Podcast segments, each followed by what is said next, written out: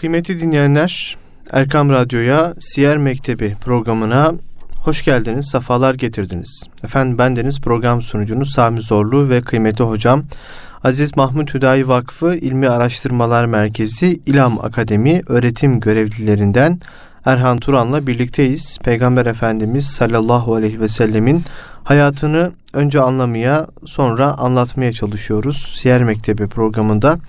Bu vesileyle de inşallah bu Siyer Mektebi'nin güzel bir talebesi olmuş oluruz diyerek sözlerimize İnşallah. başlamış olalım. Hocam hoş geldiniz, safalar getirdiniz. Hoş bulduk, hoş gördük. Çok teşekkür ederim. Safalar bulduk. Çok Allah razı olsun hocam. Hocam şimdi geçen haftaki programımızda Peygamber Efendimiz sallallahu aleyhi ve selleme vahyin geliş şekillerinden bahsettik. Evet. Ee, Birçok hal tezahürü hal tezahüründen bahsettik. Ee, şimdi bu bahsetmiş olduğumuz vahyin geliş şekilleri müsteşrikler tarafından sanki Peygamber Efendimiz sallallahu aleyhi ve sellem ruhi manada bir hastaymış da bu hastalığın getirmiş olduğu bir halmiş gibi e, yansıtıyorlar. Biz de e, bir kez daha hatırlatmış olalım bu programı tabi muhterem Osman Nuri Topbaş Hoca Efendi'nin e, Hz. Muhammed Mustafa sallallahu aleyhi ve sellem bir Mekke devri iki Medine devri e, kitabından yapıyoruz. O kitaptan paylaşımlarda bulunuyoruz. Bu konunun tam da devamında bu söylemlere cevaplar var. Evet. E, mutlaka sizin de buna katkınız olacaktır. Buradan devam edebiliriz hocam. Buyurun. İnşallah. Euzubillahimineşşeytanirracim. Bismillahirrahmanirrahim. Elhamdülillahi Rabbil alemin. Ve salatu ve selamu ala Resulina Muhammedin emin ve ala alihi ve sahabihi ecmain. Tabi biz daha önceki derste vahyin hakikati ile alakalı manası olarak ne, ne, ne bize neyi kastettiği, geliş şekilleri, Efendimiz Aleyhisselatü Vesselam'daki hal tezahürleri ne olurdu Hazreti Peygamber'e bunlarla alakalı konuştuk. Tabi Hazreti Peygamber'in işte buram buram terlemesi, üzerine çöken ağırlığın olması, rivayetlerde onun işte şekil ve şemalinin tarif edilmesi hı hı. bazı müsteşrikler tarafından. Burada müsteşrik ne demek onu kısaca hı hı. söyleyelim. Aslında İslam'ı araştıran Doğu diye isimlendiriyorlar hı hı. bunu. İslam ve Müslümanlar daha çok Doğu'yu ifade ediyor. Bu bir Edward Said diye bir oryantalist var. Onun yazdığı Oryantalizm diye bir kitap var. Ee, orada bununla alakalı geniş çok geniş bir bilgi de veriliyor. Ama kısaca şöyle söyleyelim. Batı'nın doğuyu anlamak için yapmış olduğu her şey bu alanda çalışanlara müsteşrik deniyor. Müsteşrik aslında şark, hı hı. doğu manasında doğu bilimci demek. Doğuyu inceleyen, doğuyu araştıran anlamda ama özel manada İslam'ı e, kastediyor. Yani İslam'ı anlayan, İslam'ı anlamaya çalışan kimseler bunlar. Tabi bunlar Müslüman olmak ya da İslam'ı hak manada kendi bulundukları topluluklara tebliğ için ulaştırmak için yapılmıyor. Haşa açık aramak için. Açıktan öte reddetmek için. Reddetmek için. Reddetmek için. Yani böyle bir şey yoktur. Bu tamamen e, bir uydurmadır. Hı hı. Hatta haşa Hazreti Peygamber'in kendi yazdığı bir şeydir. E, kendi zihin dünyasından çıkardıklarıdır. İşte bunun da ispatı anlamında bu vahyin geliş şekillerine de müracaat ediyor bu adamlar. Hı. Mesela temelde onlar üç şeye e, işaret çekiyorlar. Diyorlar ki Hazreti Muhammed aleyhissalatü vesselam Hazreti Peygamber'den bahisle düşünce, keşif ve ilhamıdır. Yani onun kendi düşüncesidir. Hmm. Kendi keşfidir. Kendi ilhamıdır. Yani kendi kafasına gelen bir takım doğruların karşımıza çıkarılması halidir. İşte kendi düşündüklerinin yazıya geçirilmiş halidir. Bugün bunları takliden İslam'ı böyle zedeleyen e, Müslüman görünümlü insanlar da var. Modernist diye adlandırdığımız insanlar. Ya bu kimseler de mesela Hazreti Peygamber'in vahyi kendisinin yazdığını, kendi ihtiyarıyla oluşturulduğunu iddiayla karşımıza çıkıyorlar. Tabi bunlara ne denir? Kısaca burada bir şeyler söylemeye çalışacağız ama önce hastalığı bir teşhis etmek lazım. Birincisi bu Hazreti Peygamber'in düşünce, keşif ve ilhamı hı hı. iddiası. İkincisi e, bu bir halüsinasyondur diyorlar. Yani hmm. halüsinasyon neticesinde bunlar ortaya çıkmıştır deyip karşımıza çıkıyorlar. Burada halüsinasyon da Fransızca bir kelime aslında. Ee, daha çok böyle şizofreni ya da paranoya rahatsızlığı olan hastalarda oluşan hislerin ortaya çıkardığı duygulardır. Yani aslında olmayanın varmış gibi adlandırılmasının adıdır diye karşımıza çıkıyor bu insanlar. Hı hı. Bir üçüncüsü de Hazreti Peygamber'in Sara hastası olduğu, aslında o krizler neticesinde böyle hareketlerde bulunduğu ifadelendiriliyor. Yani Hazreti Peygamber'in e, zahirinde görmüş olduklarını onlar zahiren e, bir takım hastalıklara e, hamletmeye çalışıyorlar. Tabi burada şuna dikkat çekmeden geçmemek lazım. Bir kere vahiy peygamber aracılığıyla Allah'ın kuluna olan ilticası, belki kulda olan tecellileri, ortaya çıkışları, Cenab-ı Hakk'ın varlığını hissettirme hali. Yani iltifat aslında. Şimdi Allah'ın kuluna olan iltifatını bir de kulun Allah'a yönelmesini yani ona kavuşmayı ummasını uman insan için e, bir değer ifade ediyor. Yani vahiy dediğimiz hadise Allahu Teala'nın kendisinden bir parçanın kuluna inikası, yansıması, verilmesi bir vahiy dediğimiz hadise. Bir de e, kulun Allah'a yönelme hali. Şimdi biz bu oryantalistleri, bunların bir diğer ismi de oryantalist. Bu müsteşrikleri yani batılı araştırmacıları e, buralardan noksan buluyoruz zaten. Bunların e, geçmişleri araştırıldığında, hayatları araştırıldığında baktığımız zaman daha çok ya Hristiyanlıkta ya Yahudilikte din adamlığı yapmış, oradan bu tarafa meyletmiş, araştırmacılığa meyletmiş kimseler oluyor. Ya da çok enteresandır birçoğu ateist oluyor. Hmm. Yani ya deist bir algı yani Allah yarattı ve çekildi. Dünya bizim istediğimizi yaparızcılar ya da Allah diye bir şey yok. Siz kendiniz uyduruyorsunuz diyen insanlardan müteşekkil. Bu oryantalistlerin de tabi içinde ateist olanları var. Çok enteresan bu. E, bu haliyle baktığımızda yani onların Resulullah Aleyhisselatü Vesselam'ın yaşamış olduğu halleri anlamaması ve yanlış yani anlamaması normal ama yanlış anlatarak insanlara anlatmaları kasıttır. Evet. Neden? Çünkü vahiy ile alakalı bir terbiyeyi görmemiş insanın vahiy anlam yüklemesi düşünülmez. Bu ondan evet. yani bunu ondan beklemek biraz zor olur. Ama bu insanlar aslında mantalite itibariyle verilen mesajı inceliyorlar. Kur'an-ı Kerim ayetlerini inceliyorlar, hadis-i şerifleri de inceliyorlar. Bir yerde duruyorlar ister istemez. Çünkü Kur'an ve sünnet-i seniye yani hadis-i şerifler e, bu insanları bir yerde durduruyor. Onu da atlamak için onlar başka metotlara red metoduna gidiyorlar. Yani reddetmeye çalışıyorlar, inkar etmeye çalışıyorlar. Bu haliyle bunlardan bir tanesi aslında bu. Ee, Hazreti Peygamber'in kendi düşünceleri, kendi keşif ve ilhamıdır diye. Tabi burada biz cevaplarımız var. Bunlara e, bu cevapları verebiliriz. Burada Hazreti Peygamber'e herhangi bir konuda bir vahiy ile işaret etme. Mesela e, burada Kasas suresi 86'da sen bu kitabın sana vahyolanacağını ummuyordun. Yani evet. Allahu Teala bir beklenti e, içerisinde olmadığını Efendimiz Aleyhisselatü Vesselam yani vahiy ile alakalı peygamberimizin bir dahli olmadığını Kasas suresi 86. ayette bize veriyor.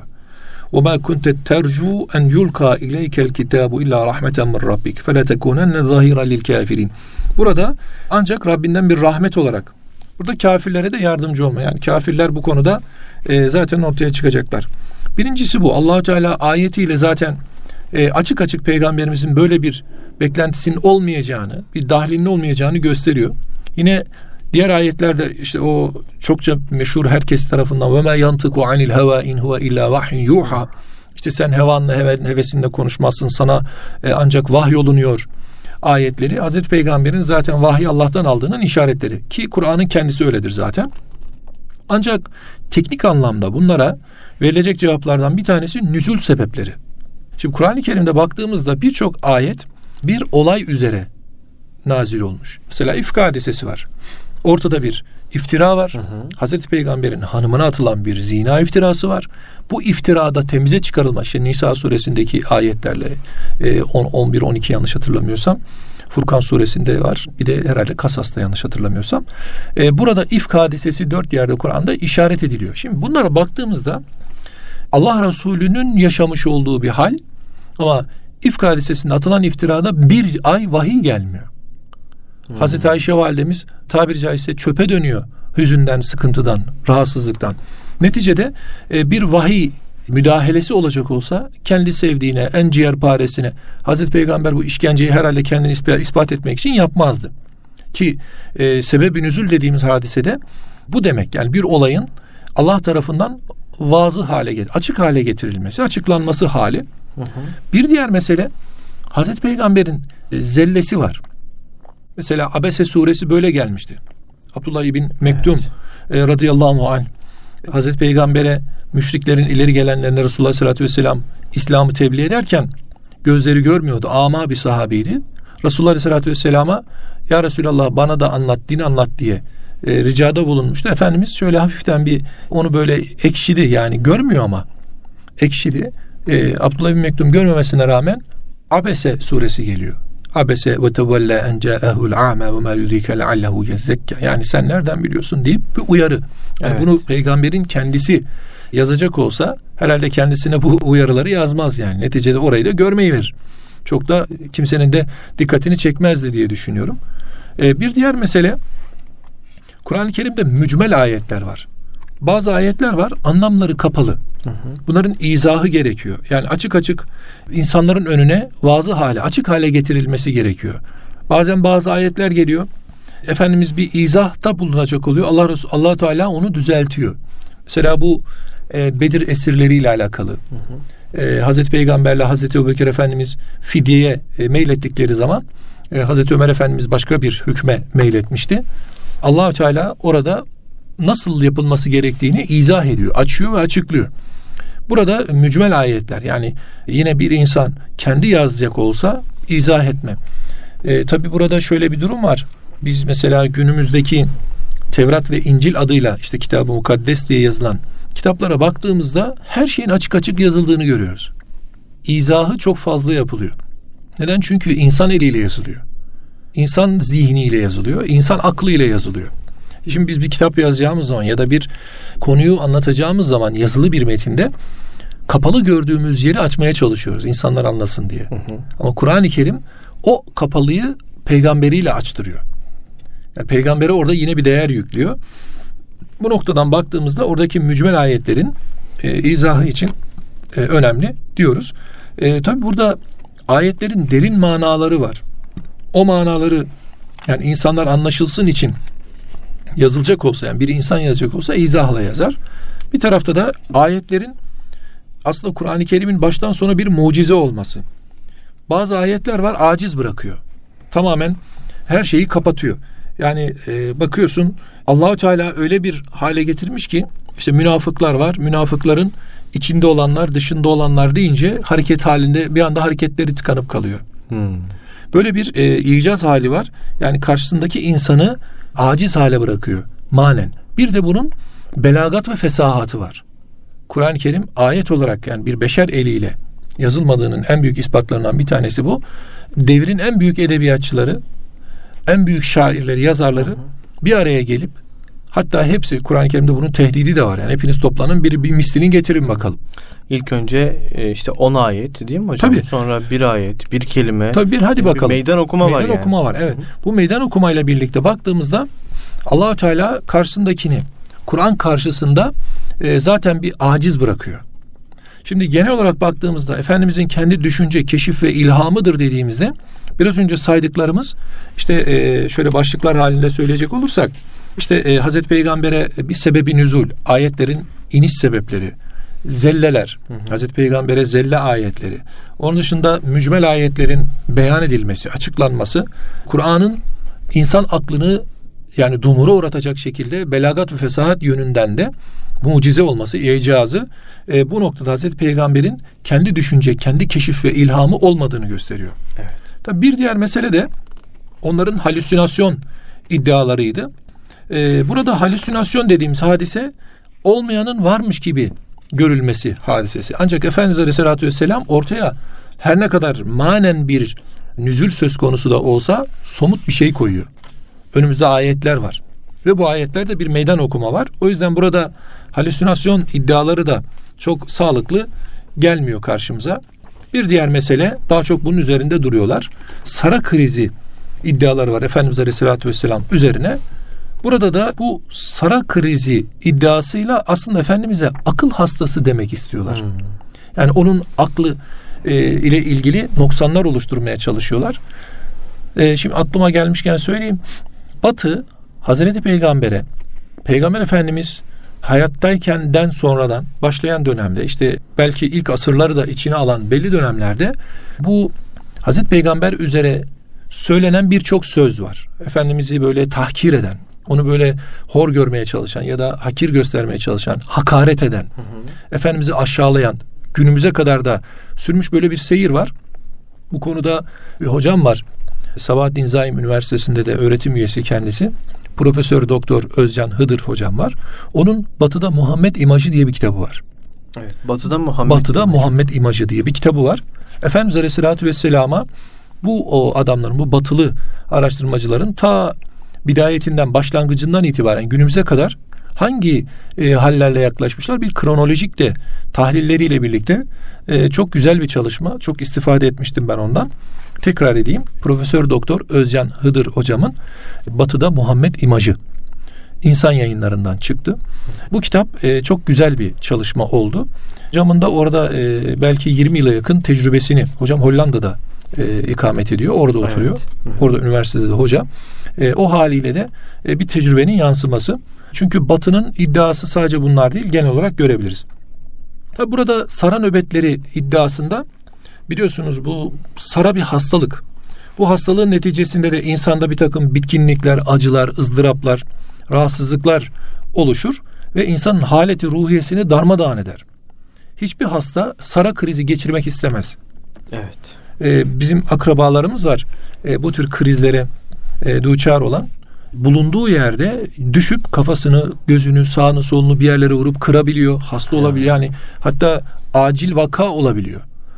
Hazreti Peygamber Aleyhisselatü Vesselam bu hallerin hiçbirini yaşamıyor. Ne bir yere düşüyor kafasını vuruyor ne başka türlü bir ağzından köpük vesaire geliyor. Yani bir sara hastalığının hastalık seviyesi e, sırasındaki yaşadıklarını yaşamıyor Resulullah Aleyhisselatü Vesselam. Fiziksel bir emare göremiyoruz Kesinlikle. Yani. Kesinlikle. O fiziksel bir etki yok. E, hatta Efendimiz Aleyhisselatü Vesselam aksine bu hali özlüyor. Hmm. Bu hali özlüyor. Yani Efendimiz'e vahiy e, gelmediği zaman Efendimiz böyle onun iştahını, iştiyakını yaşıyor. Hatırlarsınız o fetreti vahiy geldiğinde Efendimiz Aleyhisselatü Vesselam ne oluyor diye bir endişeye e, kapılmıştı o süre zarfında. Çünkü o bir hazdı Hazreti Peygamber'e. O hazzı geride kalınca özler oldu Efendimiz Aleyhisselatü Vesselam ve ardından da hayatına bu hal geçtikten sonra vahiy hali geçtikten sonra normal devam ederdi. Bunun ağrısı, sızısı ya da herhangi bir olumsuz tesiri karşısına geçmezdi.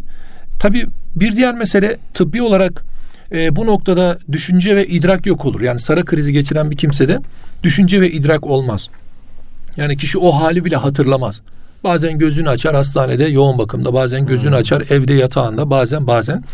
E, Efendimiz Aleyhisselam tabi o, o olanı biteni bilmez, etrafını bilmez. Ancak Resulullah Aleyhisselatü Vesselam bu halden sonra ahkamda yani hukuk alanında, ahlak alanında, ibadet alanında, bazı kıssalarda, Yusuf kıssası mesela, Ahsenel Kasas diye geçiyor. En güzel kıssa. Bir bakıyorsunuz destansı bir alıp götürüyor insanı. Hı. Böyle bir hali var kıssanın. Ee, yine Hazreti Musa ile ilgili, Hazreti İbrahim'le peygamberlerle ilgili kıssalar, onlarla ilgili mevizalar vesaireler böyle en güzel şekilde, en mükemmel şekilde ve bilgi hatası da olmaksızın anlatılıyor. Efendimiz'e de sen daha önce bunu bilir değildin deniliyor. Ve ma kunte minel gafilin. Yani sen bu konuda daha önce bir bilgiye sahip değildin deniliyor. Buradan hareketle baktığımızda bir diğer mesele, son mesele Sara krizi esnasında bir kimse belki ayılırken böyle e, bazen saçma, ağza alınmayacak sözler söyleyebilir. Yani Resulullah Aleyhisselatü Vesselam vahiy geçtikten sonra belagat ve fesahatta zirve cümleler sarf ediyor. Hala daha kimse yanına bir mislini, bir benzerini, hatta biraz önce dediğimiz gibi bir on ayet, belki bir bir ayet dahi yanına getirip bir benzer koyamıyorlar. Böyle bir hali var vahyin. Bu sebeple yan yana koyduğumuzda müsteşriklerin iddiaları sadece bir safsatadan ibaret. Evet.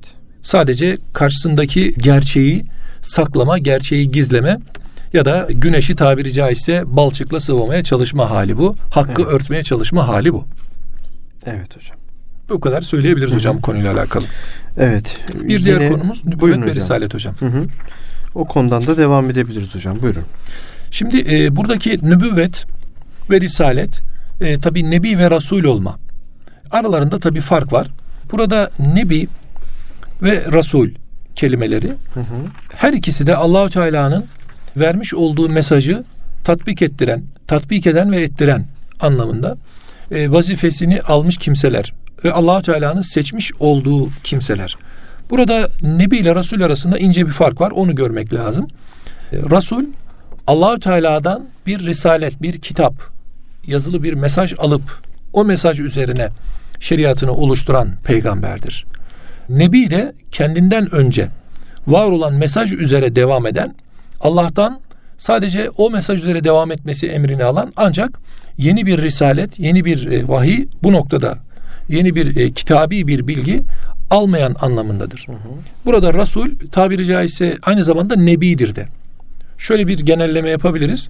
Her nebi Resul değildir. Hı hı. Ama her Resul mutlak nebidir, nebidir. diyebiliriz. Bu doğru bir e, tespit olur. Evet. O zaman Peygamber Efendimiz sallallahu aleyhi ve sellem de e, hem Resul'dü hem de, hem nebi, de nebiydi. nebiydi. Evet. Onun Resul olması Cenab-ı Hakk'ın kendisine Kur'an'ı vahyen vermesidir. Hı hı. Nebi olması da Hazreti Adem'den kendisine kadar olan bütün şeriatları bir araya toplamasıdır. Evet. Aslında Kur'an-ı Kerim bu noktada e, bütün şeriatları kendi içerisinde toplayan e, bir genel bir toplayıcı özelliğe sahip bir kitaptır Allah tarafından. Evet. Peygamber Efendimizin sıfatları var hocam. Bilmiyorum diğer konuyla alakalı eklemek istediğiniz e, Orada sadece hocam var mı? Buyurun. Orada sadece şuna dikkat çekebiliriz. Yani Nebi ve Resul noktasında Allahü Teala e, belki bu soru yine gelecek ama e, burada yeri gelmişken ya da biz yerini getirelim söyleyelim. E, Allahü Teala niçin bir peygambere ihtiyaç duyuyor ya da insan niçin bir peygambere ihtiyaç duyuyor? Peygamber neden var? Hı hı. Baktığımız zaman öncelikle Allahü Teala layık olan kulluğu e, öğretmek adına bir örnek, numune şahsiyet gönderiyor. Evet. Ayet-i kerimedeki lekad kâne lekum fi rasulillahi üsvetun hasene Azap suresindeki ayet buna işaret aslında. Bu da Allah'tan kula olan bir iltifat. Bir taltiftir. Yani kabul ettiği kulluğu, kabul ettiği e, cennetine koyacağı insanı, cennetlik olan insanı o örnekle karşımıza çıkaracak. Burada Cenab-ı Hakk'ın adaleti söz konusudur. Çünkü e, biz Cenab-ı Hakk'ın nasıl bir kulluk istediğini, nasıl bir tabiri caizse ibadet istediğini onlarla öğreniyoruz. Bu anlamda Cenab-ı Hak adaleti gereği ve merhameti gereği emrin hakikatini, hı hı. buradaki yasakların da ne olduğunu öğretmek adına peygamberler gönderiyor. Evet. O peygamberlerin temel vazifesi kendilerine verilen ilahi vahiy hayatlarına tatbik ile tebliğ etmektir ve insanları da bu noktada emre teşvik edip nehiden de men etmeye çalışmaktır.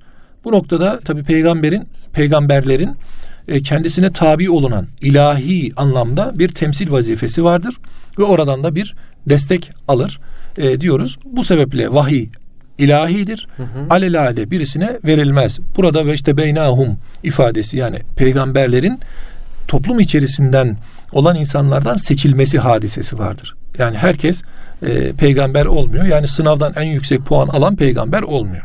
Cenab-ı Hak orada ilahi anlamda en layık olanını içerisinden alıyor. Zaten onlar ve işte beynahum ifadesi belki de Cenab-ı Hak nezdinde daha önce seçilmiş olma. Çünkü peygamberlerin buradaki korunmuşlukları.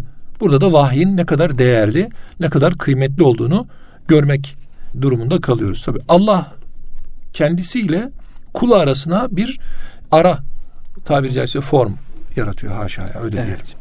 E, bu bahsettiğiniz durum da aslında Peygamber Efendimiz sallallahu aleyhi ve sellem veya diğer peygamberlerin sıfatlarını belirlemiş oluyor. Tabii, yani sıfatlar e, buradan sonra giriyor hocam. Biz Peygamber Efendimizin ilk işte çocukluğunu, gençliğinden bahsederken onun işte emanete sahip çıkan, herkes tarafından sevilen, sayılan, herkes tarafından güvenilir bir kimse olduğundan bahsettik. Evet. İşte bunlar aslında Peygamber Efendimiz sallallahu aleyhi ve sellemin hem az önce ifade etmiş olduğunuz gibi sıfatlarını belirlemiş oluyor hem de onu e, peygamberliğe hazırlayan e, yönleri olmuş oluyor hocam. Evet, kesinlikle. Ya bunun başında hocam sadakat geliyor. Sadık. Evet. Peygamberlerin temel Hı-hı. sıfatları içerisinde biz biliyoruz beş tane temel sıfatımız var. Onları sıralayalım. Vaktimizin yine sonuna geldik hocam bu haftada. Öyle mi? Ee, Peygamber Efendimizin e, sıfatlarını da önümüzdeki hafta böyle e, işte Evet. tek tek ele almış olacağız ama nedir Peygamber Efendimizin sıfatları E, onları bir dinleyicilerimize Bütün peygamberlerde müşterektir aslında bu sıfatlar. Hmm. Beş tanesi. Efendimiz'e ilaveten verilen sıfatlar da var. Onları Hmm. bir dahaki derste konuşacağız inşallah. Tamam. Ama bütün peygamberlerde müşterek olan, ortak olan sıfatlar birincisi sıdktır. Bu doğru hı. olmasıdır. İkincisi emanet yani kendisinin güvenilir olmasıdır. Hı. Fetanet, fetanet de dini bakış açısı, dini görüş ya da ilahi bakış açısıdır aslında. Buna ileriyi görmek diye tabiri de e, kullanılıyor. Basiret gibi fazilet. Tabiri caizse oturaklı olmak diyebilir miyiz? buna Yani, böyle? fetaneti tam karşılamıyor hocam buradaki. Hmm. Fetanet aslında olabilecek olanı önden tahmin etme. tahmin etmek. Kabil, Evet. kabiliyeti görme kabiliyeti. Evet. İsmet korunmadır. Hazreti Allah'ın peygamberlerini korumasıdır. Son vazifede tebliğ, Tebliğ. vazifesidir. Bu da Hı. ilahi vahiy almış oldukları hal üzere e, hem koruma hem onu hayata tatbik etme ve insanlara öğretme vazifesi Evet. diyebiliriz. Ee, buradan önümüzdeki hafta devam edeceğiz hocam. Allah İnşallah nasip hocam. ederse İnşallah. Peygamber Efendimizin sıfatlarından. İnşallah. Kıymetli dinleyenler Erkam Radyo'da Siyer Mektebi programının bu haftalıkta sonuna geldik. Bu hafta Peygamber Efendimiz sallallahu aleyhi ve sellemin nübüvvet ve risalet e, konusundan ve yine Peygamber Efendimiz sallallahu aleyhi ve sellemin vahyinin geliş şekillerinden ve bu geliş şekillerine karşı müsteşriklerin söylemiş olduğu ifadelere karşı cevapları e, sizlerle paylaşmış olduk. Önümüzdeki hafta e, Peygamber Efendimizin ve peygamberlerin sıfatlarından devam etmiş olacağız. Hoşçakalın. Allah'a emanet olun efendim.